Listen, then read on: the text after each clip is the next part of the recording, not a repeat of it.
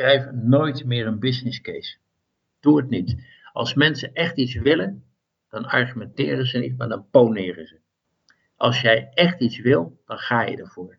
En dan ga je dus niet allemaal ingewikkelde dingen doen. Argumenteren is de man's strategy. Argumenteren doe je als je het eigenlijk niet wil. Welkom bij aflevering nummer 20 van Ondernemerspassie.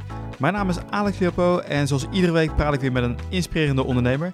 Dit keer met Frans van der Reep. Hij is Senior Strategist bij KPN, Lector Digital World bij Hogeschool in Holland, inspirator van het Next Practice Institute en toezichthouder bij een aantal profit- en non-profit organisaties.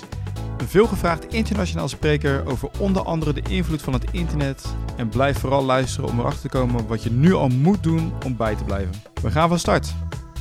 Frans, kan je wat meer over jezelf vertellen? Ja, ik vind het leven heel leuk. En ja, ik heb het voorrecht dat mijn hersens uh, redelijk uh, goed in elkaar zitten. Dus dat mij relatief weinig tijd kost om heel veel dingen te zien, te snappen en, en, en een stapje verder te brengen. En daar maak ik schaamteloos misbruik van. en uh, ik doe dat door te schrijven, te speechen. er komen bij mij thuis, nou, ik denk gemiddeld vier bedrijven per week langs voor een goed gesprek. Dat vind ik ook echt heel leuk. En uh, jonge ondernemers, die, die, die, die, die kun je dan vaak een tikje hier geven, een duwtje daar. Of je zegt, joh, je moet met Pietje gaan praten. En dan vind ik het allemaal echt heel leuk. Dat, dat doen ze dan dus ook, hè. Nou, dat geeft mij wel veel, veel plezier en uh, veel voldoening in het leven. Wat geef jij die ondernemers? Inzicht in hun eigen business. Dat ze nog beter snappen wat ze verkopen. Ik geef een voorbeeld. Ik heb ooit eens een keertje ge, gepraat met dat bedrijf wat die... Uh, uh, oude spullen verkoopt. Die, die, die, weet je wel, die je nergens meer kan krijgen. Die aandrijfriemen voor de Philips 212 pick-up, als je dat nog niet zegt. In ieder geval van die dingen, weet je wel. Een, een, een, nieuw, een nieuw voorzetstuk voor de stofzuiger of nieuwe stofzuigerzappen. Allemaal van die simpele dingen, maar die ja. ontzettend ingewikkeld zijn als je ze kwijt bent. Ja. Nou, die, die directeur-eigenaar die was ontzettend negatief over zijn business. Joh, ja, wat is dat nou? Dit, uh, is allemaal veel te simpel. En uh, joh, hou nou toch op. Weet je, jij zorgt ervoor dat ik mijn dierbare spulletjes kan blijven gebruiken. En dat is voor mij heel belangrijk. Nou, de man die was helemaal ontroerd. Nou, dat soort dingen vind ik dus leuk. En volgens mij hebben ze er qua marketing ook, uh, ook iets mee gedaan toen. Maar die man die viel zijn eigen bedrijf zo af, omdat hij een deel van zijn waarde gewoon niet zag. En, en ik vind het dus heel leuk om, om, om mensen uh, op dat punt, als ik het al begrijp en daar een punt heb, want heel vaak snap ik het natuurlijk niet, maar daar iets aan toe te voegen. En dat doe ik met, met bedrijven en ik doe dat soms ook met mensen. Dus er komen hier heel wat mensen langs voor een, uh, voor een goed gesprek. En wat ik dan leuk vind, heel veel dingen kan ik niet horen, het leven voor de goede, voor de goede orde. Maar dan loop je op, uh, dat komt me dus heel vaak voor. Dan loop ik op Hoge Katerijnen. Bijvoorbeeld vanochtend heb ik een speech gehouden in de Spand in Bussum voor, uh, voor een aantal mensen. Je ziet zo'n zaal vol. En dan is er altijd wel iemand die dan naar me toe komt en dan uh, zo, ja, zo ha Frans, op een toonhoogte alsof ik hem moet kennen. En ik zie een totaal vreemde. En dan is het verhaal, ja, tien jaar geleden heb je mij een advies, nou, bla bla bla bla.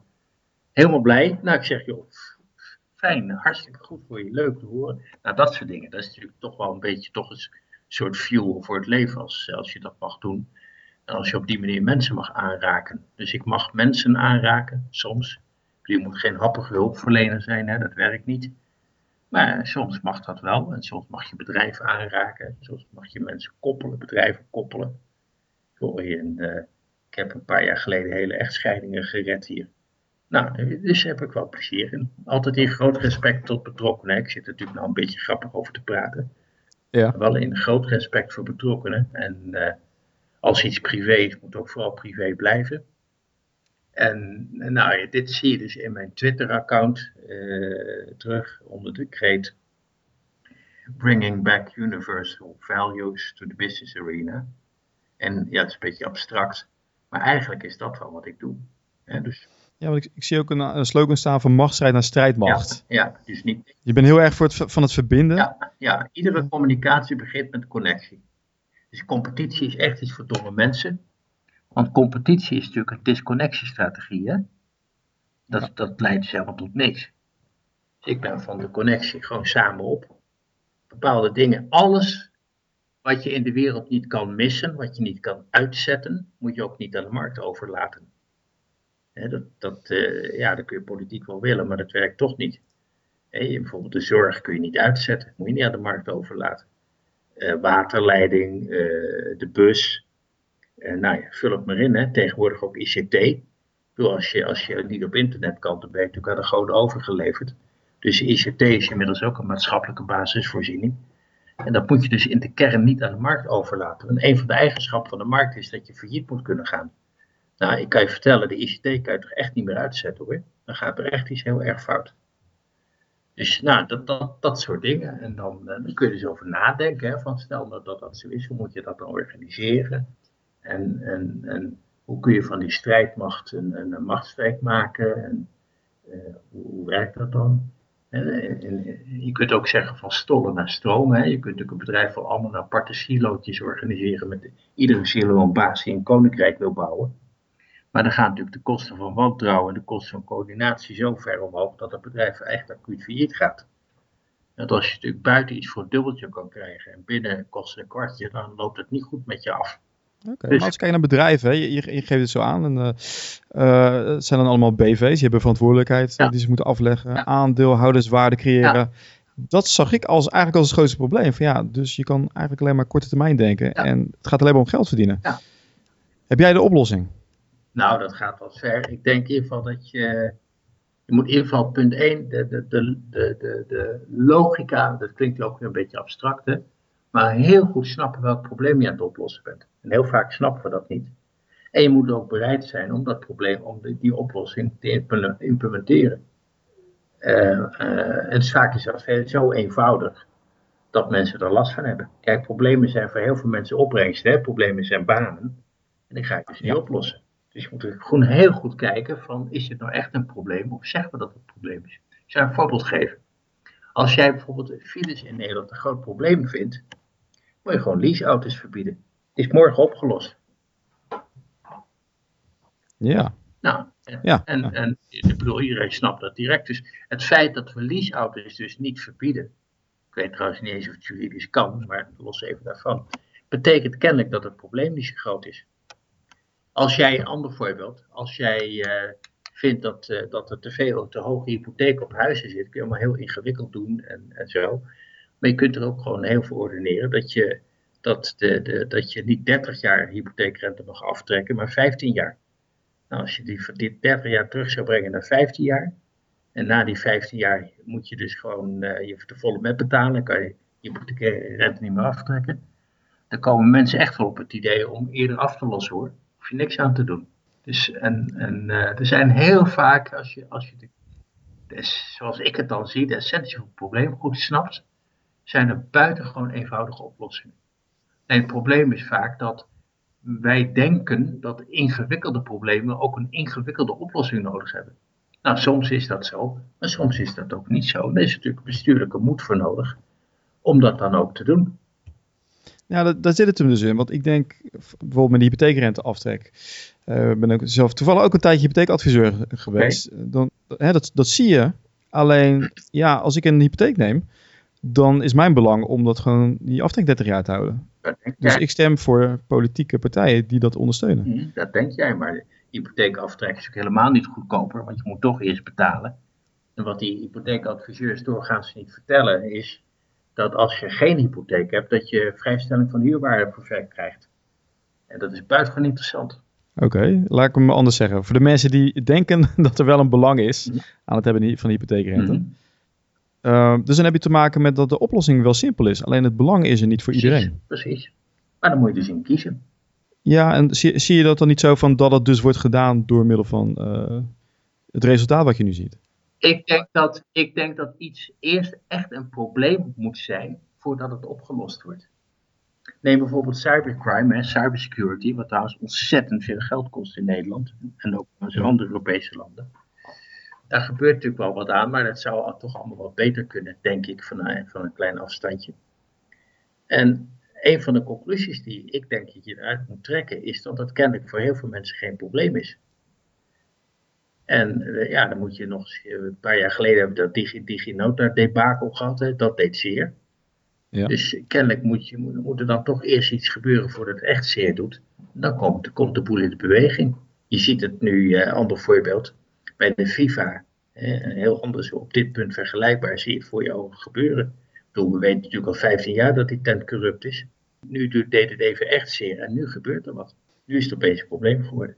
Heeft het dan te maken dat er iemand moet zorgen dat het probleem gezien wordt? of zeg je dat moet, dat moet vanzelf gaan? Ja, je moet het voelen. Wat we van psychologen weten, is dat mensen pas acteren. Niet alleen dat ze iets begrijpen, maar ook dat ze het voelen. En, en, en, en als je dingen begrijpt, maar niet voelt, doe je niks. Je moet het en begrijpen en voelen. Eh, voorbeeld, Amber Alert, hè, kindje weg. Ja. Dat, dat, dat, dat, ik weet niet of je zelf kinderen hebt. Ik heb er twee, twee dochters. Nou, dan, weet je, dan snap jij dus wat Amber Alert is. Ja. En je hebt er ook een gevoel bij. Je kunt je er iets bij voorstellen als, als een van, jou, van jouw kinderen even weg is. Daar heb je een gevoel bij. Concreet. Nou, dan snap je dus Amber Alert en je bent ook bereid om, om mee te doen. Maar bijvoorbeeld identity theft, hè, uh, identiteitsdiefstal. Als het je overkomt, is dat vreselijk. Ga maar eens met iemand praten die dat heeft meegemaakt. Maar de meeste mensen hebben daar geen gevoel bij. Dat is veel te abstract. En op abstracte dingen reageren mensen niet.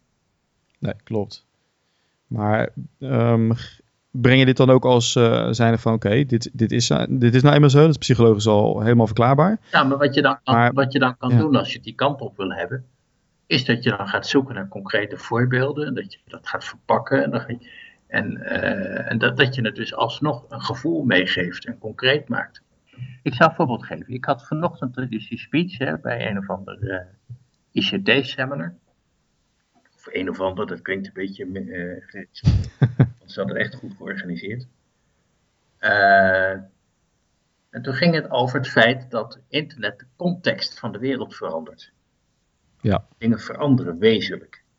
Nou, dat is een abstracte, dat is een abstracte ding hè, voor heel veel mensen.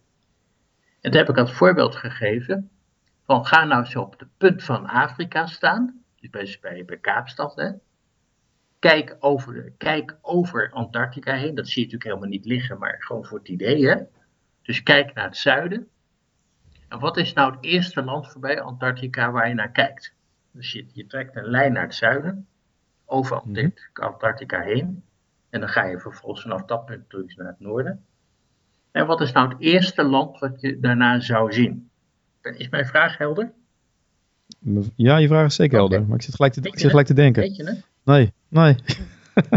ik uh, was heel slecht in aardrijkskunde. Ja, ik begrijp het. Ik Maar weet je ook waarom je het niet weet? Um, omdat ik anders kijk. Ja, precies. We zijn opgevoed met de Mercator-projectie. Weet je wel, en die, die, die gaat van west naar oost. Maar als ik jou dezelfde vraag van west naar oost stel, dan kom jij moeiteloos op, op 10, 15 landen. Moeiteloos. En dat komt omdat je ze voor je ziet. Het is je mental map. Oké? Jij, als ik jou India zeg en ik vraag wat ligt er rechts van India, nou misschien dat, dat je een land mist, maar de meeste kun je zo opnoemen. En dat komt, dat komt omdat het je mental map is. Maar de les is dus, dat is, dat, en dat is hoop, dat ik hoop wat de mensen meenemen, dat is als je de mental map maar een kwartslag draait, en dat doe ik dus met mijn, met mijn Kaapstad voorbeeld, hè. Het enige wat ik doe is de kaart een kwartslag draaien, dan ben je dus weg met je kennis. En dat is dus wat mental maps doet. En dat is wat internet nu in de wereld doet. Internet verandert je mental map. En dat is, dat is gewoon heel interessant wat er dan gebeurt. En door het dus op in dit voorbeeld te noemen, dat zo kwamen we erop, maak je die ervaring van wat een change of contact met je doet, hè, hoe dat voelt, die maak je concreet. En dan komt het dus wel over. Want dan vraag ik zo leuk aan die mensen van, joh, toen ik dat vroeg, hè, had je toen ook dat gevoel van, uh, dat je vroeger had dat je mondeling geschiedenis kreeg voor het bord terwijl je niet geleerd had. nou, precies. precies. Nou, een paar zie je dan een beetje lachen, hè, wat een uh, point taken. En dat is dus wat er gebeurt. Dus we moeten dus, om, om echt beweging te creëren en concrete problemen op te lossen, moet je ze concreet maken. En dat kun je dus ook met hele concrete voorbeelden doen. En je moet, je moet het op zo'n manier doen dat mensen het ook voelen. En dat kun je dus met parallellen of met metaforen of met, dat heet ook wel storytelling, met simpele verhaaltjes. Maar daar kan best wel veel. En dat, dat, ik vind dat dus heel leuk om dat te doen. En, en dan komt hier met, uh, iemand met zijn verhaal. En uh, dan probeer ik dat dus te doen. Dat bedrijf trouwens van die oude spullen, dat is Handyman. Oké, ja, ja, ik weet het weer. Ja, Handyman. Sorry, dat duurde even. Ik heb het op. We zijn, we zijn er, we ja, zijn er. Ja, ja. Ja, en um, over die andere perspectieven gesproken. Hè? Je vertelde ook uh, voor de uitzending even kort over, uh, over waar je nu mee bezig bent. Het ging over big data.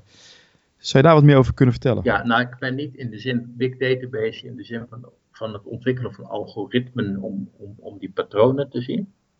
Ja. Maar ik ben bezig met de vraag in mijzelf van, uh, als je big data capaciteit ontwikkelt, wat ik ieder ondernemer gun, en ik denk ook dat het buitengewoon verstandig is om daar, zeker voor wat grote ondernemingen, die wat relatiegericht zijn, hè, is dat belangrijk, patronen te zien. Maar het geeft meer power en, en het is denk ik, en het geeft meer mogelijkheden, ook mogelijkheden die misschien niet zo verstandig zijn. Dus ik denk dat je big data, als je dat ontwikkelt, daar ook big governance omheen moet zetten. Je moet ook je integriteit ontwikkelen. Ik geef een voorbeeld. We hebben in de kern in Nederland vier grote kost, ziektekostenverzekeraars. Vier groepen, vijf misschien, vier zeg ik maar even voor het gemak. En die zijn voor het merendeel handen van banken. En Achmea is bijvoorbeeld van Rabobank. Ja. Nou, stel dat jij een psychiatrische behandeling nodig hebt, wat ik jou niet gun. En, en, dat komt bij, en je bent, komt bij Achmea en die betalen dat allemaal netjes. Dan kom je natuurlijk ook bij Achmea in een soort big data circuit terecht. Ja. Maar dan moet big, Rabo Achmea natuurlijk wel zo fatsoenlijk zijn om het binnen de muren te houden. En, uh, en Rabo uh, geen, uh, geen pottenkijker te laten zijn, want er gebeurden ongelukken. Nou, dat, is natuurlijk, dat was al zo. Maar de, de, de, de laat ik zeggen, het, het kriebelen om dat wel te doen, hè, toch een beetje op het hoekje te kijken als bank, wordt met big data toch wel groter. Dus dan moet je toch, je moet bewuster zijn voor governance. Hè. Dus big data geeft ook een integriteitsvraag. Ander voorbeeld, Schiphol heeft uh, zogenaamd op proef op dit moment met een van die camera's die jou niet alleen uh, opnemen, maar die ook de lichaamstemperatuur pakken. En uh, de, jou, kijken hoe jij praat. Hè. Er lopen ook allemaal algoritmen mee. En uh, die algoritmen die, die zijn bedoeld om te kijken om mensen uit te filteren die slechte dingen van plan zijn. Klinkt goed. Ja, nou, maar het, heeft, het maakt wel iedereen een verdachte. Hè? Ja. En wat je dus in de praktijk ziet, is dat je van tevoren weet dat bepaalde mensen eruit gevist worden, waarvan het merendeel toch echt niks uh, kwaads in de zin had. En die mensen gaan wel hun vliegtuig missen. En die zijn wel de prijs, zeg maar, hun, hun ticketprijs kwijt. En uh, mogen dat dus vervolgens zelf betalen, want er is geen regeling voor. Is dat nou de kant die we op willen? Is dat integer? En mijn punt is dus, ja, daar moet je over nadenken. Uh, ander voorbeeld dat we net even noemen is connected cars, hè, of in een vervolgende punt uh, auto's die zelf rijden, zelfsturende auto's. Kijk, natuurlijk heeft dat een hoop voordelen en ik snap heel goed dat als de auto allemaal hetzelfde op het moment vertrekken bij het stoplicht, dat er een hoop tijd scheelt. Maar wat je natuurlijk krijgt is van, ja, van wie zijn al die gegevens dan die die auto vastlegt over jouw rij, rijgedrag? En dat is op dit moment niet duidelijk, hè. Sommige auto's, bedrijven denken, nou, die zijn van mij, die gaan ze dus verkopen. Nou kan je vertellen, als jij één slok drinkt, dan is, blijkt dat dus uit die gegevens. En mag de politie jou dan achteraf parkeren, want via location-based service weten ze precies dat jij tussen Alphen en Leiden 12 kilometer te hard hebt gereden op dat tijdstip. Mag je dan alsnog een bon krijgen? Is niet, bij mijn weten is het niet geregeld. En uh, of met die location-based weet je op een gegeven moment ook precies van, nou er zijn nu 10.000 auto's op bezoek in Noordwijk. Wil jij dan ook naartoe hè? En dan met die zelfsturende auto van jou uh, toets Noordwijk in. Nou, dan krijg je natuurlijk op een gegeven moment bericht, nou jij mag niet naar Noordwijk, want Noordwijk is vol. Jij moet naar Katwijk. Kan je voorspellen dat dat gaat gebeuren? Ik weet niet of we het nog meemaken, maar op termijn gaat dit soort dingen gebeuren. Is de vraag, ja, is dat wat we willen? Daar moet je iets over vinden. Dus iedere nieuwe technologie, iedere nieuwe capability vraagt in zekere zin om insnoering. En we hebben bijvoorbeeld drones, weet je wel, die, die vliegtuigjes. Nou, er is Ja. helemaal niks mis met die vliegtuigjes. Maar als die vliegtuigjes aan de Koreaanse, Koreaanse grens eh, zelfstandig mensen gaan vermoorden, omdat die op een of andere manier aan het profiel van het algoritme eh, voldoen, hè, dan krijgen ze een koppeling van, eh, van, van besluiten en uitvoeren. ja, daar moet je even over nadenken of we dat wel willen met elkaar. Dus iedere nieuwe capability vraagt ook om een, om een, om, een vraag, om een azem, een morele vraag. Gaan we allemaal nog krijgen. En wie, wie gaan dat dan doen? Hè? Want ja, goede vraag. Je bent, de, je bent de bedenker van zo'n, uh, zoiets. Nou, er zit veel geld in. Ja. Technologie. Uh, op internet er zullen nog veel meer bedrijven ja. uit de grond worden gestampt. Hè? Bitly, Bitcoin bedoel ik. Al dat soort dingen. Wie gaat dat dan besluiten? Ja, een goede vraag. Is niet geregeld. Dus wat we weten uit onderzoek is dat uh, echt grootschalige innovatie. Hè? Dus niet een, een, een, raampje van de auto uh, met een, met een in plaats van met een slinger, maar met een motortje open dicht doen. Hè? Dat is ook handig. Maar dat is een, dat is een kleinschalige inflatie. Hè? Echt grootschalige innovatie aan internet. Wat we weten is dat, CQ wat ik ervan weet, is dat het pakweg 40 tot 50 jaar duurt voordat dat werkelijk begrepen is in zijn consequenties. Werkelijk in en, en dat het je mentale beeld heeft veranderd. Hè? Dat je niet alleen West-Oost kan denken en naar de aarde kan kijken, maar ook Noord-Zuid dat, je, dat het is verankerd in je onderwijs, dat het verankerd is in je wetregelgeving, dat het verankerd is in je institutionele kader. Uh, dat je bijvoorbeeld snapt wat internet doet met de identiteitsframing van mensen. Wat doet, wat doet internet nou? Nou, geen hond die precies weet hoor. Dat is allemaal een begin. Dat hele verhaal, dat duurt jaren. En van de jaren hebben we er misschien, nou, als we er 15 hebben gehad, is veel. Dus het meeste moet nog komen. Maar doe je, ook een, uh, doe je ook een beetje aan voorspellingen? Dat je, want jij bent al heel goed in het uh, zien herkennen van patronen. Ja, ik denk het wel. Wat, wat zie jij, uh, vooral met internet? Ik vind het heel interessant. Je gaf het net ook al aan voor, het, voor de uitzending. 75% van de bestaande banen gaan verdwijnen. Nee, 47. 47? 47. Ah, dat, dat, is een onderzoek geweest van Oxford University voor de Amerikaanse markt. Om het even precies te zeggen. En die, of 43, dat, daar wil ik even vanaf zijn in ieder geval boven de 40% uh, van de bestaande baan. Nou, dat is nogal wat. Ja. Nou, zelfs als het de helft is, is het natuurlijk al desastreus. En ja, je ziet het natuurlijk voor je ogen gebeuren. En, en dat is natuurlijk, ja, of dat goed of slecht is, ik zou het niet weten. Maar het is in ieder geval anders. En uh, jij, ik, bedoel, ik, ik, weet niet precies hoe oud je bent, maar wellicht dat je daar deel van uh, bent. 38. Ja, maar er zijn dus heel veel mensen in hun 30s die, die, die een stressprobleem hebben vanwege het gebrek aan baanzekerheid. Ja. En dat is een groot probleem. En echt een groot aantal Nederlanders heeft slaapproblemen en heeft pilletjes nodig. Dus heel veel dingen gaan goed in het land, maar toch niet alles. En of dat omdat alles door internet komt, dat weet ik niet. Maar ik denk wel dat het er iets mee te maken heeft. Nou, bepaalde dingen bijvoorbeeld die gaan veranderen. Uh, ik denk dat de, de, ons leven uh, heel erg veel onzekerder wordt. je pensioen wordt onzekerder, je baan wordt onzekerder, je relatie wordt onzekerder. Um, je, je, hele carrière wordt onzekerder. Je relatie wordt onzekerder? Ja, ja we leven gewoon veel te lang voor één relatie, joh. Kijk, een huwelijk is uit de tijd dat we 40 werden. Nu worden we 100. Nou, ik bedoel, ik, ik prijs de mensen gelukkig die dat volhouden. Maar onderweg gebeurt er zoveel en zo intensief dat de kans dat je elkaar kwijtraakt uh, behoorlijk toeneemt. En dat gebeurt dus ook volop. Dus daar, daar zit ook een stuk onzekerheid. En de andere kant is de instituties, de, de bakens die zekerheid schaffen, die gaan ook weg. Hè? De dominee, de kerk. Uh, de, de... Ik heb bijvoorbeeld op mijn baan, ik, ik, ik ben 61. En ik ben nog van de tijd van de typkamer en zeg maar en de koffiejuffrouw. En dat je kaart naar je werk stuurt.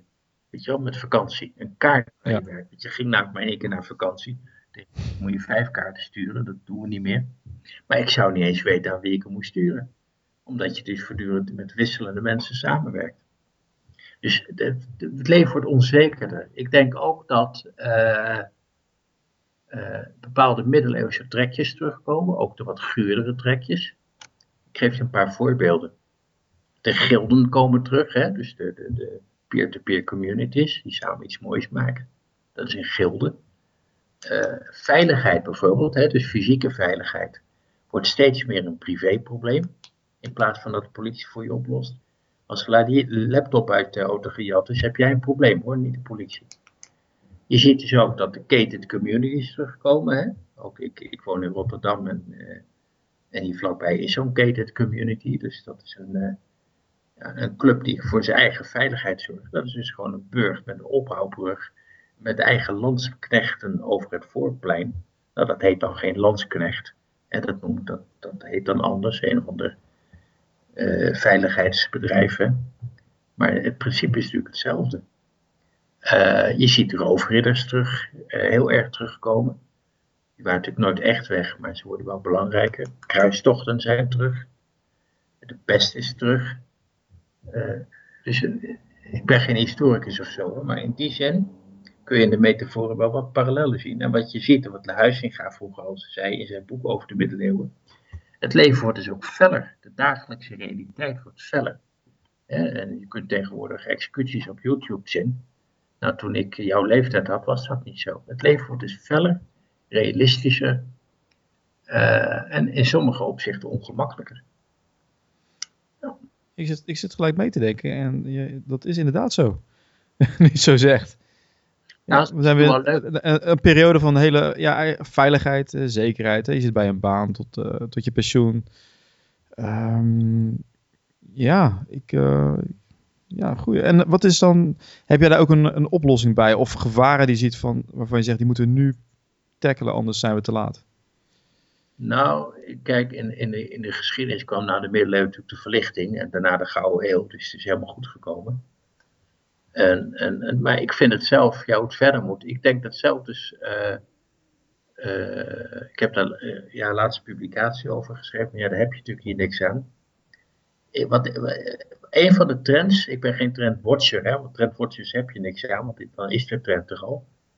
ik, ik, ik, ik, ben, ik, zie meer dingen aankomen. Als ik één, even een beetje wat reclame Prediction. Ja. mezelf mag maken, als je kijkt naar mijn, mijn inaugurale reden uit 2003, 2004.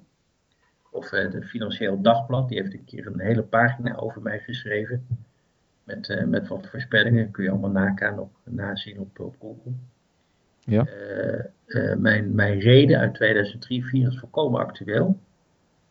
En alle voorspellingen die ik deed in Financieel Dagblad zijn uitgekomen. Nou ja, dat vind ik wel leuk. Zo'n voorspellingen zijn trouwens niet zo leuk. Maar goed, een van de... Heb, je, heb, je, heb je een voorbeeld? Ik ben nu al benieuwd.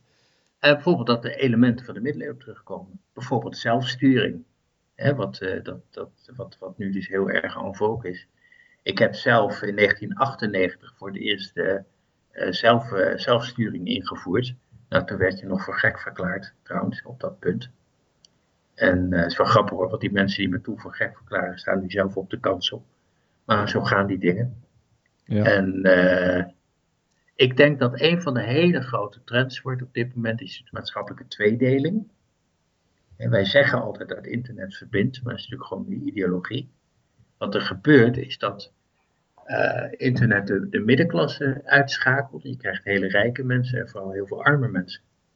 In, de, in die rijke wijk waar ik dan woon, nou ja, rijk geval, gegoede wijk waar ik dan woon, zijn er heel wat mensen die, die afhankelijk zijn van de soepkitchen. Nou, dat was tien jaar geleden niet zo. En dat is een trend, wegvallen van, van, de, van, de, van de middenklasse. Een andere trend is uh, een enorme spanning tussen fressen en moraal. Het is net alsof er twee werelden aan ontstaan zijn. Aan de ene kant heb je dus de, de, de, de geldverdieners, hè, die, die ook prima doen en ook zelf vinden dat ze het prima doen, by the way. En uh, dat is heel erg fressen, hè? gewoon ikke, ikke, de dikke ik van Mark Rutte, zeg maar. En tegelijkertijd heb je ook heel veel mensen die echt, uh, vaak in stilte, heel veel goed doen en er echt iets van proberen te maken. En het gebeurt alle twee. En het gebeurt ook naast elkaar.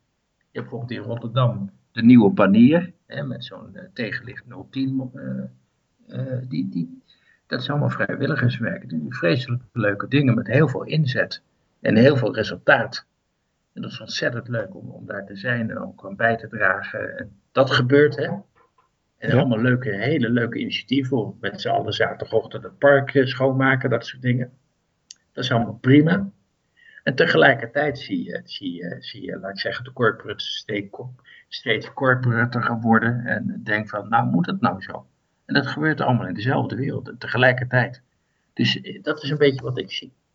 Ik dacht juist dat het allemaal transparanter werd. Ook voor de grote corporaties, uh, wereldwijd, goede doelen enzovoort. Dat hoop, Meer transparantie. Dat hoop ik, maar het is niet zo. Oké, maar nou, dat is mijn, mijn onwetendheid. Hè? Met het internet, het verbindt, allerlei informatie wordt voor iedereen inzichtelijk, steeds meer inzichtelijk. Ja, maar het is niet. Wat, wat, wat mis ik? Wat mis ik? Je krijgt zoveel informatie dat je gemanipuleerd wordt. Uh, Google bijvoorbeeld, die kan in principe bepalen hoe jij jouw wereld ervaart.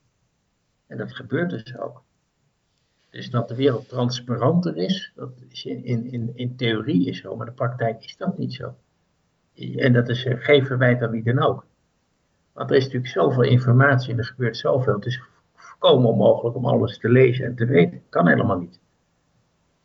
En uh, dat, dat die, die corporaties ontstaan, in theorie heb je gelijk. En, die, en, maar in die literatuur zie je iedere keer dezelfde vijf Nederlandse bedrijven die beschreven worden. En uh, wat, je, wat, je, wat, je, wat, je, wat, je, wat je natuurlijk ziet is dat heel veel bedrijven die zichzelf als corporatie en als duurzaam uh, presenteren, de Snapcars en de Airbnb's en de Ubers van deze wereld, ja. dat zijn natuurlijk gewoon keiharde uh, kapitalistische bedrijven. Dat, dat, is, dat, dat gaat niet over compassionate capitalism, dat gaat gewoon over geld verdienen. En uh, dat, die, hebben, die hebben een vraag. Mensen gaan niet Airbnb omdat ze duurzaam zijn. Nee, die zijn Airbnb omdat het leuker en goedkoper is. Dus daar hoeven ze niks op tegen. Maar dat het nou duurzaam is, daar geloof ik geen bal van. Uh, Uit een groot onderzoek van How, How Report heet dat, uh, wordt de conclusie getrokken dat op dit moment zowel binnen als tussen bedrijven ongeveer 3% uh, eh, functioneert op de, laat ik zeggen, coöperatieve manier. Ongeveer 3%. En dat dat overal op de wereld ongeveer hetzelfde is. Terwijl ongeveer 43% van de mensen uh, wordt gerangschikt onder de term corporate obedient. En die zijn gewoon braaf aan de baas. Maar zie je daar geen trend in? Dat je zegt van nou, dat wordt wel hè, door die transparantie en het bedrijf kan met minder wegkomen, dat het wel steeds meer gaat nou, groeien? Nou, wat er gebeurt, uh, ik, ik hoop het dus met jou, hè, voor de duidelijkheid. Ja? Op mijn manier draag, hoop ik eraan bij te dragen. Maar kijk, wat er natuurlijk in de kern gebeurt, is dat de, wat de, op zijn deftig heet, de kosten, transactiekosten naar beneden gaat. Ja. Kijk, vroeger stonden die, die, die, die appartementen in Barcelona ook al leeg. Alleen je had de week nodig om ze te vinden. En je had geen manier om een goede deal te sluiten. Dus dat, dat heeft Airbnb voor jou geregeld. Op zich had je, in, toen, toen ik klein kind was, had je ook huizen ruilen. Dus op zich is er helemaal niks nieuws aan. Wat er veranderd is, is dat het veel makkelijker is om het te vinden. De kosten, de transactiekosten heet het op z'n die gaan naar beneden. En de kosten om de match te regelen, die gaan naar beneden. Kijk, voor een paar jaar geleden uh, was het natuurlijk ook wel zo dat hier iemand, uh, de boer die ik vandaag nodig had, uh, vier straten verderop had. Alleen ik wist het niet. En, en, en, als je dat niet weet, misschien handig om bij de gamma zelf zo'n boor te halen. Ja. Terwijl ik nu heel makkelijk via internet die meneer wel kan vinden, of die mevrouw. En dan kan ik hem even lenen. Dat heet deeleconomie. Maar de deeleconomie wordt dus gedreven door lage transactiekosten. Ja. Dat zie je in de luchtvaart ook gebeuren. Het oorspronkelijke businessmodel van EasyJet was dat je via internet, of via wat dan heet, niet alleen internet, hè, maar ook mobiele data heet het dan, hè, dat je via internet heel makkelijk 200 man kan vinden die allemaal naar New York willen vliegen of naar Londen willen vliegen. Nou, dan creëer je dus een tijdelijke community, hè, want zo'n zo'n lijnvlucht is gewoon een tijdelijke community. En die huren dan als het ware samen een vliegtuig. Nou, om dat voor jou te regelen helpt EasyJet een beetje. En die huurt dus even een vliegtuig voor die tijdelijke community. En, je, je gaat dan samen op pad. En daardoor wordt het pakweg 30 tot 40 procent goedkoper dan de oorspronkelijke airliners toen in staat waren. Dat is wat er gebeurt. Dus de ene, de echte driver van al die coöperaties en al die nieuwe bedrijfsvormen.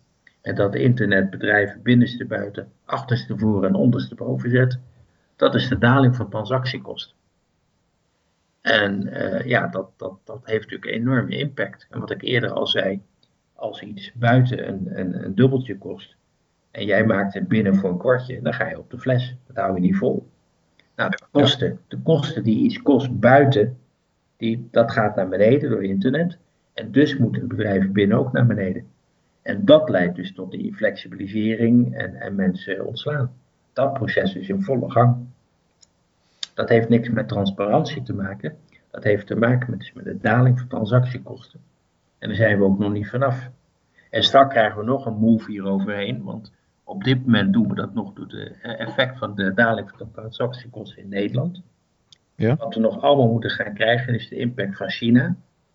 Want waar wij zeg maar 1000 euro per maand kosten, kosten ze daar 100 per maand. Je ziet het nu al een beetje met de Polen, de Bulgaren en zo. Hè.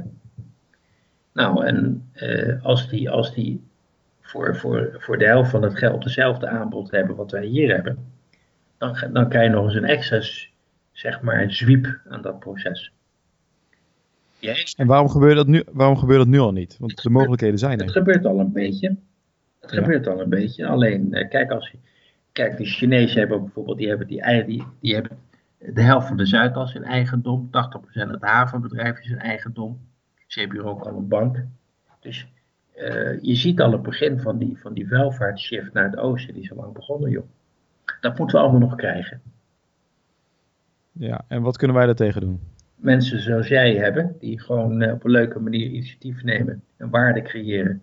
Zich niet laten tegenhouden. Snappen wat ze wel kunnen, snappen wat ze niet kunnen. Niet zeuren en aan de gang gaan. Dat is inderdaad de boodschap die deze podcast naar voren komt. Ja. En is het nou, zie je ook een shift van hè, die kenniseconomie die er was, mhm. die verschuift dan naar China, India. Ja. Ik heb daarover gesproken met, uh, met Jurgen Appelo. Die heeft daar, uh, die heeft daar ook over, veel over geschreven. Die zegt van ja, het gaat nu naar, juist naar creativiteit. Dat dat uit het Westen kan komen. Dat dat het nieuwe, de nieuwe value gaat zijn. Ja, maar dan kun je geen heel land van onthouden. Je moet ook gewoon bloemkool eh, hebben en, en, en komkommer. Ja. Kijk, wat er gebeurt, als ik het even wat, wat meer systematisch mag vertellen. Kijk, de, e-, in de eerste move als een bedrijf zichzelf wat scherper wil neerzetten, dat is dat je eh, het uh, verrichten verbetert. En dan ga je je bedrijfsprocessen wat, uh, zorgen dat mensen wat harder werken, wat betere mensen. Dan ga je je operations verbeteren. Hè, wat, wat, zorgen dat er, de, je databases wat minder snel vervuilen, dat alles een beetje goedkoper gaat. Dat je nog eens kijkt, goh, kan ik het in plaats van met negen man niet met acht man doen, hè? Dan ga je operations verbeteren. Dat is stap 1. Stap 2 is, als, als je daarmee uitgeput bent hè, en niet verder kan, dan ga je dus eerst ga je, je verrichten optimaliseren. stap 2 is dat je je inrichting gaat optimaliseren. Dan ga je dus reorganiseren. Als je kijken van, uh, van nou, in, je hele portfolio van je bedrijf, van nou, waar verdien ik nou echt geld mee? En waar ben ik nou echt goed in? En dan krijg je dus een concentratie op, op de dingen waar je goed in bent. En dan ga je nog eens heel goed kijken of je sales operations wel goed samenwerken. Of je dat handig hebt georganiseerd. Of de ketens goed doorlopen. Of er geen onderweg geen, eh, geen fouten worden gemaakt. Dat is dus de eerste optimalisering op het verrichten. De tweede stap is optimaliseren op het inrichten. En de derde stap is optimaliseren op het richten. Dan krijg je dus de strategie en de scope van de onderneming en dus even kijken van zitten nou wel op de handige markten. Moeten we nou nog steeds stoomboten maken of misschien is het toch beter om wat andere boten te gaan maken. Dat is richten. En ik, mijn vermoeden is dat dus bij dat richten daar dat element, wat, wat Apollo zegt, het element van creative nu bij komt. En dat is natuurlijk hartstikke leuk. En je ziet ook, en ook in Rotterdam en Amsterdam trouwens ook, de, de, de, de, een hele sterke creative economy. Ik ben zelf trouwens toezichthouder bij een aantal culturele instellingen. Dat vind ik ook heel leuk. Ja. Uh, maar ja, onderhoud daar een heel land niet mee. Je kunt natuurlijk wel hele leuke meubelen maken, zoals in Eindhoven gebeurt. En dat is leuk. En dan kun je ook een hele mooie gebouwen neerzetten in Rotterdam. En ook een Rotterdam in de city marketing als een architectuurstad neerzetten. Dat helpt natuurlijk allemaal mooi. Moet je vooral doen, hè, voor de duidelijkheid. Maar je kunt daar niet een heel land mee voeden. Dus je zult ook gewoon loodgieters moeten hebben die je play maken als je lekt. En nog wat van die zaken. Dus- maar dus die, die, blijven, die, blijven, die blijven toch? Of wordt het ook uh, geoutsourced? Als jij uh, je keuken wil verbouwen, hè, je kan het voor 2000 door Chinezen laten doen of voor 10.000 door Nederlanders, wat doe je dan? Ik uh, geef geen antwoord. nee, maar ik snap, wat, ik snap wat je zegt. Dus dat, je zegt eigenlijk, die komen ook allemaal hier voor... Oké, maar... Dacht, um... al die, wat dacht je dat al die bootvluchtelingen, is natuurlijk een vreselijk drama. Ja. Wat dacht je dat die allemaal kwamen doen hier? Dat is zo. Maar wordt niet op een gegeven moment, bijvoorbeeld China, wordt het niet gelijk getrokken, omdat het dus een wereldeconomie wordt, dat daar ook de lonen stijgen? maar dat maak ik niet meer mee. Dat duurt nog even, zeg jij. Dat zijn allemaal hele langdurige herstructureringsprocessen. Dat duurt vreselijk lang allemaal. Dus- en heb je hier een mogelijke oplossing voor? Ik, ik, in 1995 had ik een vrij goed idee over hoe 20 jaar later eruit zou zien. Ja, dat is een beetje een hoogwaardige uitspraak hoor, dat weet ik. Maar ik, eh, ja, ik zou zeggen, kijk maar op mijn, op mijn blogsite. Ja? Ik heb nu geen idee over hoe vijf jaar eruit ziet. Geen idee. Ik weet wel dat bijvoorbeeld uh, het concept bedrijf is aan het veranderen. Kijk, waar nu het bedrijf echt een, een soort, soort continu, continuïteitsding is, zie ik toch een beweging dat een bedrijf steeds meer een tijdelijke coalitie van, van professionals is die samen iets leuk maken en dan weer uit elkaar gaan. En zoals wij nou elkaar even tegenkomen. Net zoals een film wordt gemaakt, heb je een club van mensen die maken samen iets moois. En vervolgens gaan ze weer hun weg. Dus dat is de ene kant van de beweging. Uh, ik denk dat dat door gaat zetten. En ik denk dat dat, ja, dat heeft zijn, zijn positieve en zijn negatieve kant. En het is vooral goed voor de mensen die iets te bieden hebben. Het is keihard, die, wa die waarde creëren. Ja, het is keihard voor de mensen die niks te bieden hebben, want die staan aan het buiten. Dus dan... Ik, ik las een artikel, om je even te onderbreken, en daar schreef je over dat je de, de hiërarchie in bedrijven, stel je ter discussie. Ja, kijk, de hiërarchie is een manier om samenwerking te structureren. Ja. En de hiërarchie is ook een manier om stabiliteit te regelen trouwens. Maar er is nu een veel goedkoper manier bijgekomen. En die manier die heet internet. Ja. internet kan dat veel goedkoper, dat gaat om die transactiekosten, dan dat de hiërarchie dat kan. En dat betekent dus dat voor, niet voor alle bedrijfsprocessen, bijvoorbeeld finance is toch beter om dat heel gestructureerd te blijven doen. Moet je niet altijd creatief in zijn, denk ik. Maar de, de, een aantal bedrijfsprocessen kun je dus veel meer uh, via, via andere manieren dan hiërarchie die samenwerking bevorderen. Kijk, en uiteindelijk bestaat een onderneming omdat het goedkoper dan de markt samenwerking kan regelen. Dat is de, de rode draad. Ja. En als die markt dat dus goedkoper kan door internet, dan zul je met je bedrijf dus ook naar beneden moeten met je coördinatiekosten. En dan zul je dus de hiërarchie moeten heroverwegen op al die plaatsen waar het anders kan. En dat proces is in volle gang. Het zit in ieder geval tussen bedrijven loopt het al zo, hè? En, en, en, en, en, stap voor stap zie je dat ook binnen bedrijven gebeuren. En dat is een heel interessant proces. Dus uh, het is, uh, vroeger was het echt zo van ja, controle, controle, controle en governance en zo. Hè? En ik denk dat we toegaan naar een situatie dat je zegt nee, je moet het gewoon loslaten. Loslaten als default, hè? loslaten als eerste. Tenzij je het vast moet pakken. Om reden van uh, governance, om reden van, van wet van wet of van formele vereisten. En eh, dat is aan het schuiven, dat klopt. Hoe weet, je, weet een bedrijf dan dat het niet helemaal fout gaat? Hè? Want je moet, moet opeens allerlei vertrouwen geven aan medewerkers. Ja, ja goede vraag. Het gaat ook heel vaak fout. Nou, je hebt geen keuze. Hè? Kijk, als, wat ik eerder zei, als de markt voor een dubbeltje kan en jij, jou kost een kwartje, dan ga je gewoon out of business. Dan moet je of je, of je bedrijf stopzetten, of je, of je zult naar beneden moeten in je kosten. Of je zult een dermate uh, ja, sweeping, outstanding uh, performance moeten hebben of een product moeten hebben, dat je er geen last van hebt. Nou, het laatste gebeurt met Ferrari en zo, hè, dus een paar van die topmerken, die, die zich die marge kunnen veroorloven, omdat mensen zo gek zijn te betalen. Of bij merkkleding, hè. Dus, dat, dat, is, dat is een strategie. Maar de, voor de meeste brands, die, die hebben die mogelijkheid niet. En die zullen gewoon de, de kosten aan de markt moeten aanpassen. En dan ga je dus benchmarken en zo, weet je Dan ga je kijken hoe uh, van uh, de, de, de best in class en de best practice, dan kom je die kant terecht. En dat is dus ook wat er heel veel gebeurt. En waar gewoon heel veel adviesbureau, uh, adviesbureaus een prima boterham aan hebben om dat allemaal uit te zoeken. Nou, als ik het zo hoor, dan denk ik van, wat, wat zou een goede weg zijn voor mensen? Zou je zitten in een, in een groot bedrijf en de waarde die je hebt is, ja, je bent eigenlijk een soort wiel in een groot systeem. Ja. En ik hoorde ook al meer van hè, dat ZZP gebeuren, dat wordt steeds groter. Je gaat coalities krijgen, wat je al vertelde. Ja. Is het dan handig om nu al te kijken naar welke waarde kan ik eigenlijk zelf leveren? Ik denk dat dat ongelooflijk belangrijk is. En dat je ook uh, moet je ziet ook wel herstel van het ambacht, respect voor het ambacht op dit moment. Hè? En het komt gewoon omdat internet je dwingt weer goed te zijn in je vak omdat, het, omdat, omdat de, concurrent een, eenmuisklik verderop zit. Dat is een direct effect. En ik denk dat het buitengewoon verstandig is om heel goed te snappen waar je goed in bent. En kijk, ieder mens heeft uh, 4 en 6 min en 9 is op zijn rapport. En het is natuurlijk heel onverstandig om te zeggen als jij ergens een 9 in bent terwijl je 6 bent. Dat, dat, dat lukt je maar één keer. En het is uh, qua business heel verstandig om op, je op je 9's te richten. Maar dan moet je die wel kennen. Dat betekent dus iets voor je, voor je ervaring, voor je business, maar ook voor het onderwijs.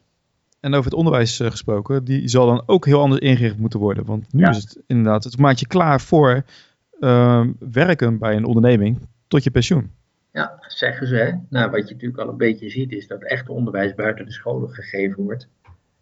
En dat, uh, dat de scholen, de school moet goed opletten, anders wordt het een soort stempelmachine van elders verweven, verwerkte competenties. Dat is niet zo handig, denk ik. Maar dat moeten we dus allemaal nog krijgen. Ik heb al gezegd dat dit soort innovaties 50 jaar duren. En van die 50 hebben we met internet misschien 15 gehad. En ik, we zitten nu op het niveau dat, dat we een beetje aan het begin van begrip hebben wat internet met onderwijs doet. Maar er is bij mijn weten, en ik, ik, eh, weet het, ik probeer dat wel een beetje bij te houden en te begrijpen. Maar bij mijn weten is dat, dat inzicht nog niet afgerond. We hebben ook denk ik maar een heel beperkt inzicht in de toekomstige skillset. Wat moet je nou echt kennen en kunnen in die, in die, in die internetsamenleving? Om uh, ja, een leuk leven te hebben, zeg maar. Nou, is er nu al een trend die je ziet van, oké, okay, dit, dit, valt op. Sorry, viel even weg. Dat moeten we allemaal nog leren. Heb je daar een, eh, een kleine, misschien een kleine voorspelling die je kan doen? Of is het voor jou ook echt totaal tas in de duizen? Ik denk dat communicatie steeds belangrijker wordt. Dus je vermogen om, het is talent om talent te, te zien. Hè? Dus je vermogen om iemand werkelijk in te schatten, zodat, die, zodat je die, dat, dat rijgen veel makkelijker gaat. Ik, denk, ik ben vrij zeker van dat dat een heel belangrijk talent wordt. Kijk, goed om te weten. En, en eh, ik denk overigens dat jij daar dus heel goed in bent en dat je daarom dit soort dingen doet. Dat je, dat je een soort antenne hebt van, hé, hey, hij kan dit en hij kan dat. En dat, ik, denk, en ik denk ook dat het vermogen om performance te organiseren over bedrijven heen, dus netwerken, van ik, ik laat hem de financiën doen en hij gaat verkopen en hij gaat het maken. En hij, of hij gaat de, de, de productie organiseren, omdat hij dat goed weet. Dus het vermogen om over bedrijven heen uh, uh, performance te organiseren, ik denk dat het ook heel belangrijk wordt.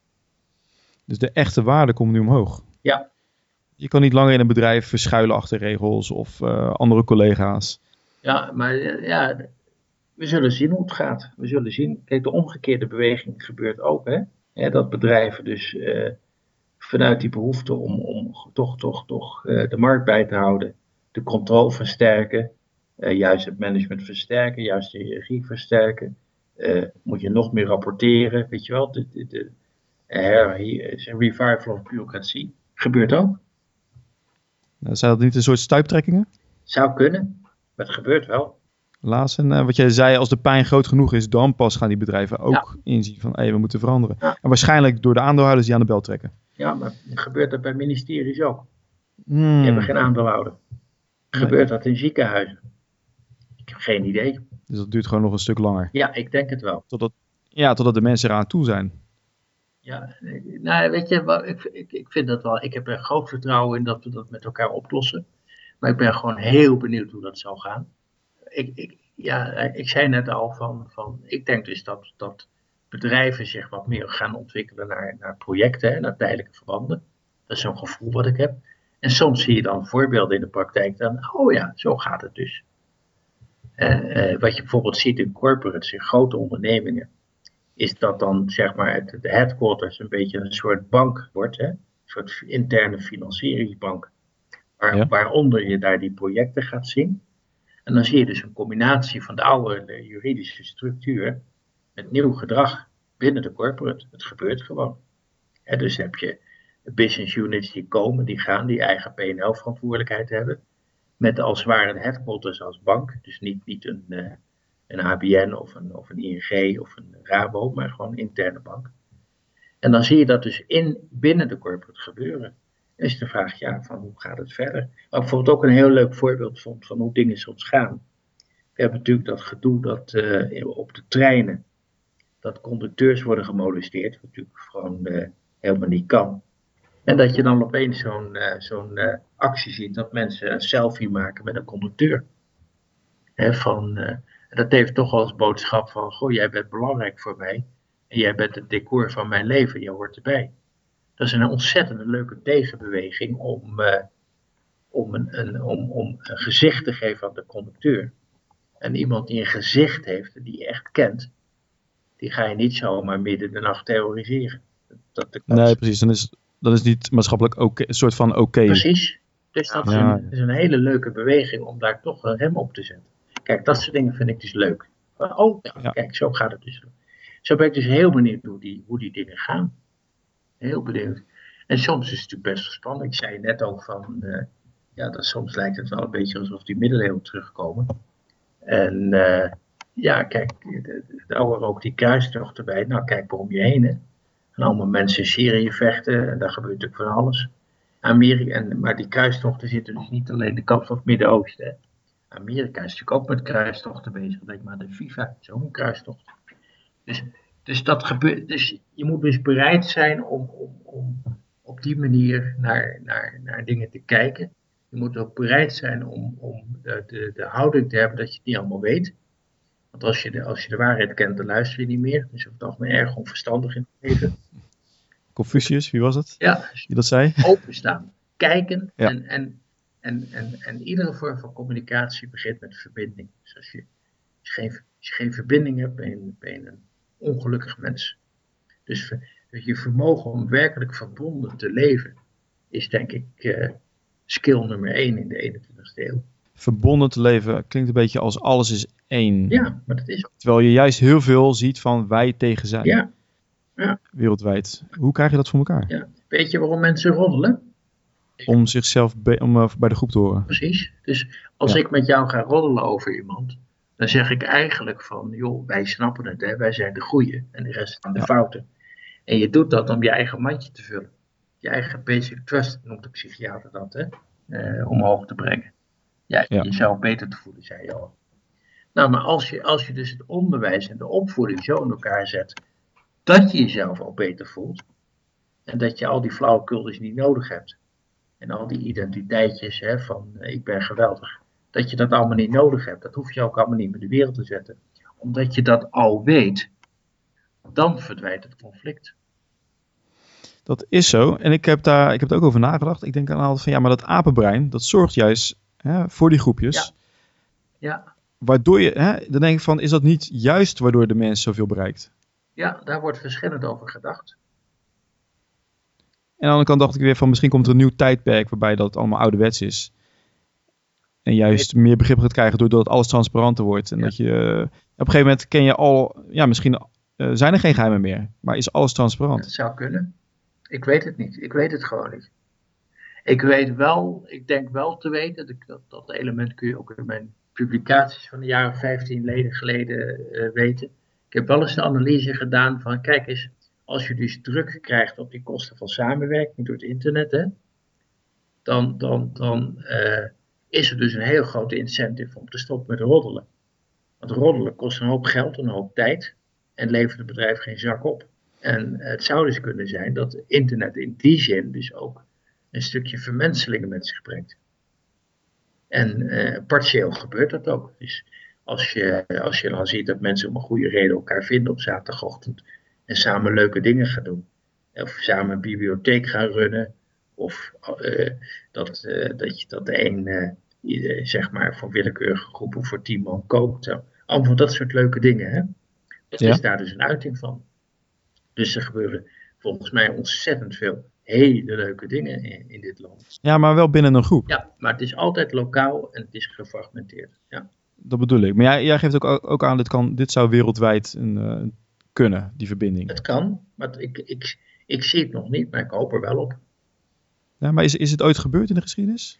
Nou, zelfs in een klooster is het mislukt Want daar had je ook uh, onderwijszusters en werkzusters. En dan kan je vertellen dat dat een. Ik bedoel, ik ben geen, geen katholieke kerkkenner of zo. Maar van horen zeggen dat dat hele scherpe verhoudingen waren. En ook in het communisme, dat hoef ik jou niet uit te leggen. Uh, waren natuurlijk uh, enorme rangen en standen. En sterker, in Nederland zijn er ook gewoon rangen en standen. Alleen we doen net alsof dat niet zo is, maar ik kan je vertellen dat het gewoon zo is. De baas zit nog steeds op de eerste rij. En uh, als jij Rutte belt, dan moet je iets langer uh, wachten om hem aan de lijn te krijgen. Dan als, uh, ik noem wat, mevrouw Bussemaker als minister. Maar, maar ge geef, je hier ook een, geef je hier ook een oordeel aan of constateer je het gewoon? Het, is het betekent dus dat er hiërarchie is. Nou, ik zit meer te denken in de zin van, is, het, is dat slecht? Of is dat juist waardoor mensen denken, ik wil ook die ladder beklimmen en juist daardoor meer gaan doen?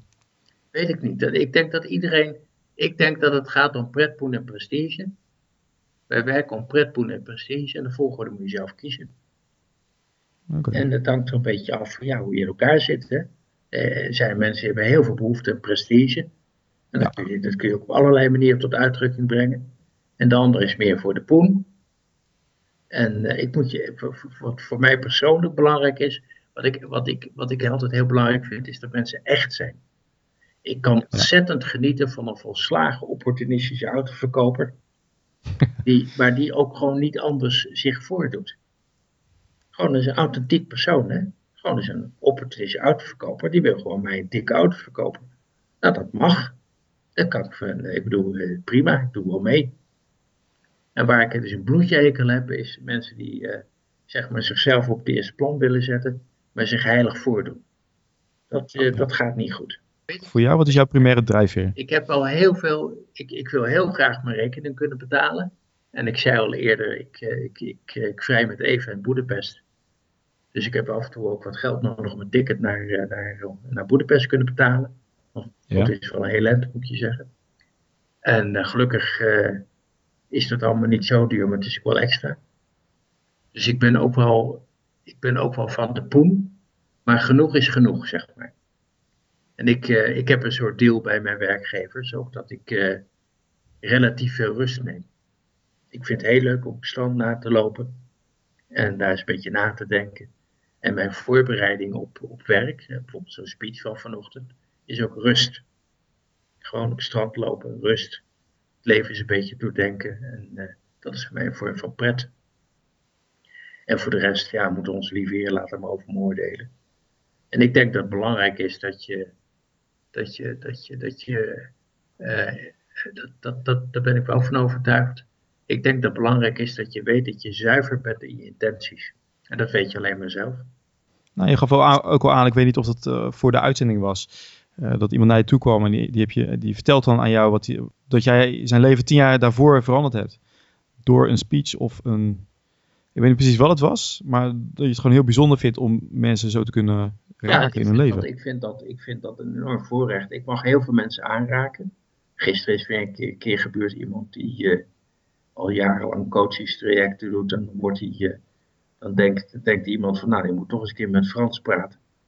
Die, komt, die, die, wordt dan, uh, die, die, ontmoet ik dan en dan heb ik, ik, ik heb geen idee wat ik doe hoor. Ik heb echt geen idee.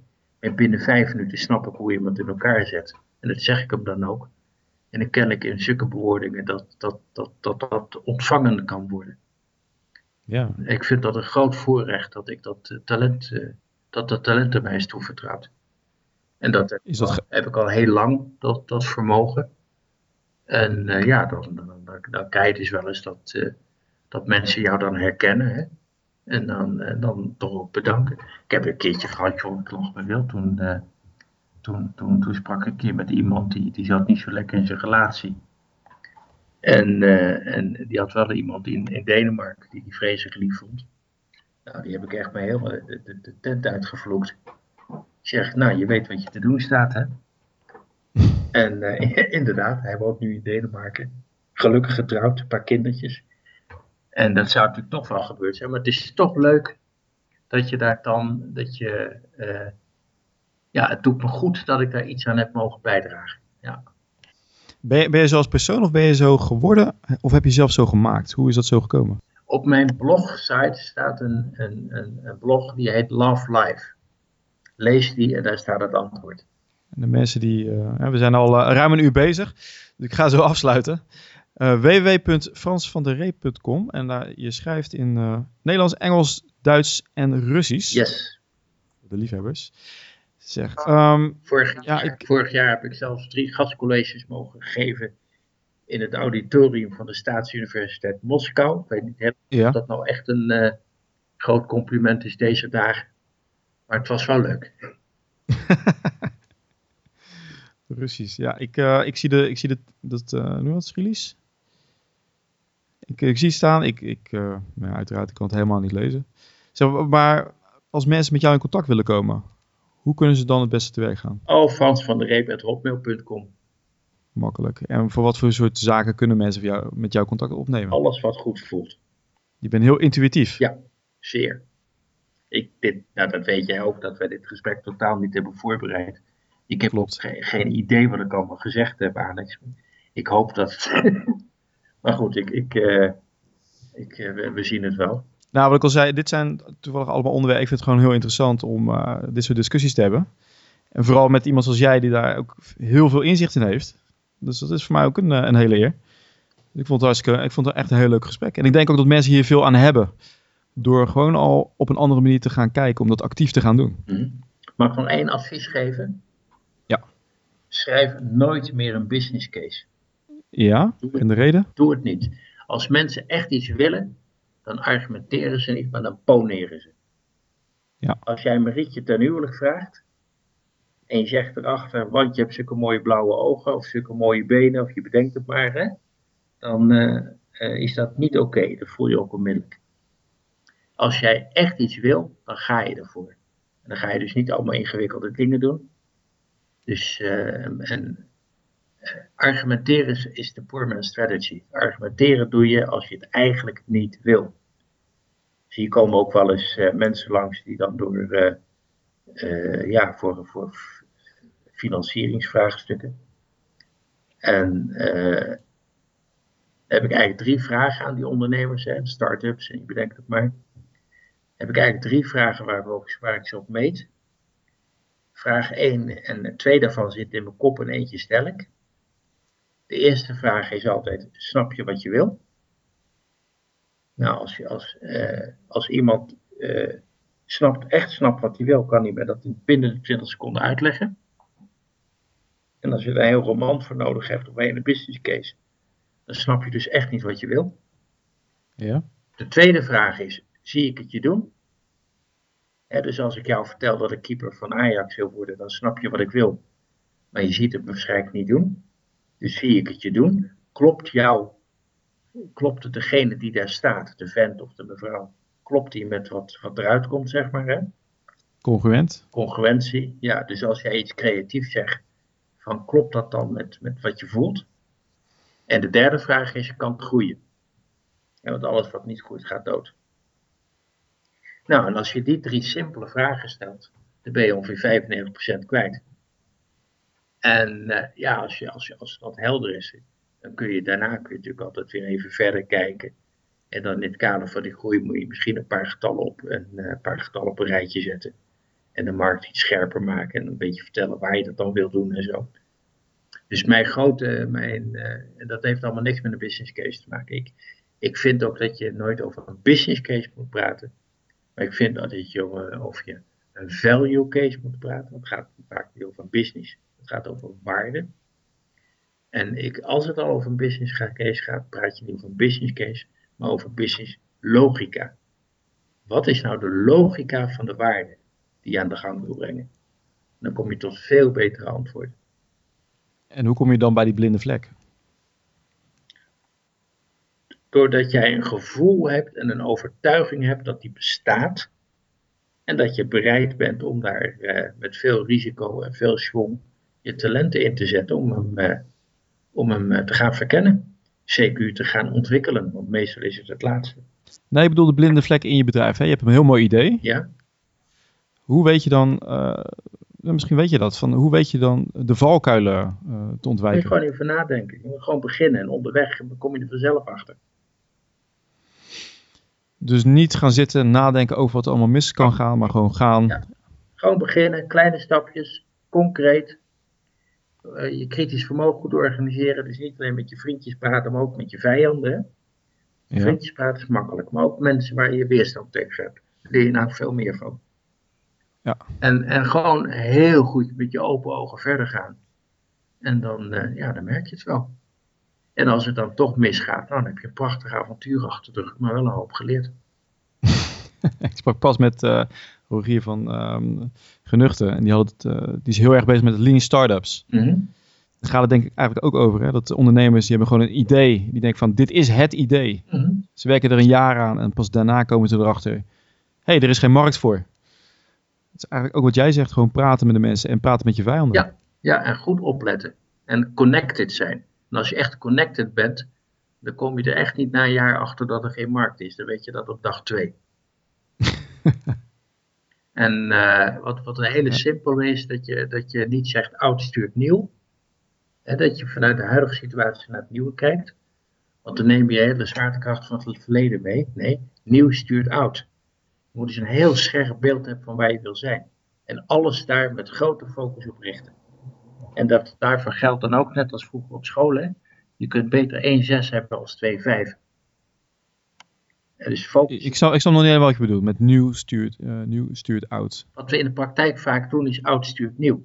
Is dat we de, de huidige klote situatie gebruiken om naar een andere situatie te komen. Maar dat is oud Ja. stuurt nieuw. Dat is helemaal niet creatief. Want dan is de referentie voor je beweging is de huidige situatie. Je kunt veel beter omdraaien en gewoon definiëren wat wil je nou. En dan vanuit een nieuwe situatie de oude naar je toe trekken. Dan ben je, ben je drie keer zo snel klaar. Doordat je gedreven wordt door een eh, mooier beeld. Ja, en omdat je weet wat je wil. En dat, en, en dat alles wat daar niet bij hoort, dat je gewoon niet doet. En als je zegt oud stuurt nieuw, dan krijg je een situatie van, eh, joh, als ik dit er nou bij doe, ben, je, ben, je, ben ik dan jouw vriendje? En dan kom je allemaal draagvlakgedoe bent. Allemaal bullshit, joh. Mensen zijn gewoon hun eigen draagvlak. Je moet je nooit met draagvlakdekkers willen praten. Want met, als je draagvlakdenken doet, dan geef je je power weg. Moet je niet doen. Jij bent jouw draagvlak. Je kunt een hele, misschien een beetje hoogwaardige vergelijking nog maken. Jezus en Mohammed zijn ook in een eentje begonnen. Ja. En je hebt, iedereen heeft altijd een, een idee en je kunt altijd een klein touwtje eh, bedenken waar je een iets groter touw aan vast kan knopen. Tot dat je uiteindelijk een, kabeltouw in handen hebt. Iedereen kan dat. Maar, In plaats van, nou ja, misschien in dit metafoor water bij de wijn doet. Bedoel je nee, dat? moet je niet doen. Maar dat bedoel je met draagvlak eh, creëren? Ja. Ja, Ja, ja. ja moet je. Het is gewoon je eigen idee heel sterk neerzetten. Ja. Kijken naar wat je wil. kleine stapjes. Wel leren van de markt, hè, maar wel vanuit je idee. Dat je eigen blijft. Ja. Die visie. Dat heet dan ook Blue Ocean eh, strategie en zo hè, in marketingland. En, maar dat voelen klanten onmiddellijk. Dit is echt, hé, hey, dit is leuk, dit is puur, dit trilt, dit heeft energie. Voel je onmiddellijk. Ja, klopt. In plaats van een, eh, oh, weer een, eh, een zwak aftreksel. Ja, of, of, of, de, midden, de middenmaat. of een kopie, of dat heeft allemaal geen zin, je niet willen. Eigen zijn. Dat is. Dit zouden, ze op, dit zouden ze op scholen moeten vertellen. Ja, dat is ook wat Eric Ries zegt in zijn start- start-up boek, hè. Maar het weet natuurlijk Ja. ook allemaal 20 jaar. Maar nu heeft het, heeft het wat leukere namen gekregen, zoals eh, Scrum en Lean. En, en, eh, Klopt. maar ja, in de kern we- weten we dat natuurlijk al een poosje. hè. Stay connected. Ja. Hou je ogen open. Ja. Vuur in de ogen. En blijven staan. Wees bij jezelf. Wat, wat dat zie jij dan? Hè? Je, ziet, je, je geeft het al aan van, eh, komt het over wat die persoon zegt? En Zo pak jij eruit. ja, trouw aan jezelf zijn. Dat is zo belangrijk, joh. Je hoeft uiteindelijk maar aan één persoon de verantwoording af te leggen in je leven, hè? dat ben je zelf. Ja. Dus ik, ik pleit niet voor, voor, voor self-centered zijn, hè? dus de, de, de, de egoïstisch. Maar door, doordat je de ontmoeting met jezelf goed op orde hebt, kun je een ander ont- ontmoeten. Als je de ontmoeting met jezelf niet op orde hebt en je, je, je emmertje is leeg, joh, je bent kansloos, want je hebt niks te geven. Je, bent niet, eh, je, hebt, je hebt geen basis. Nee, dat, dus eerst je eigen mandje. Mooie, mooie woorden. Frans, ik wil, je, ik wil je hartelijk bedanken. Dat is echt super interessant. Ik, Ja, ga dit, nou, eh, Dus ik hoop meer van dit soort gesprekken te kunnen gaan doen. Oké. Wellicht, Dus, eh, als er wel eens concrete vragen zijn of je, je misschien kun je hier een keer drie gesprek doen. Dan, dan weet je me te vinden. Hartstikke leuk. Dankjewel. Hey, groeten hè. Dag Alex. En dat is alweer het einde van het interview. Iets langer dan normaal, maar ik hoop dat jullie er net zo van hebben genoten als ik. Ik zie jullie weer terug bij aflevering nummer 21. Maak er weer een mooie dag van.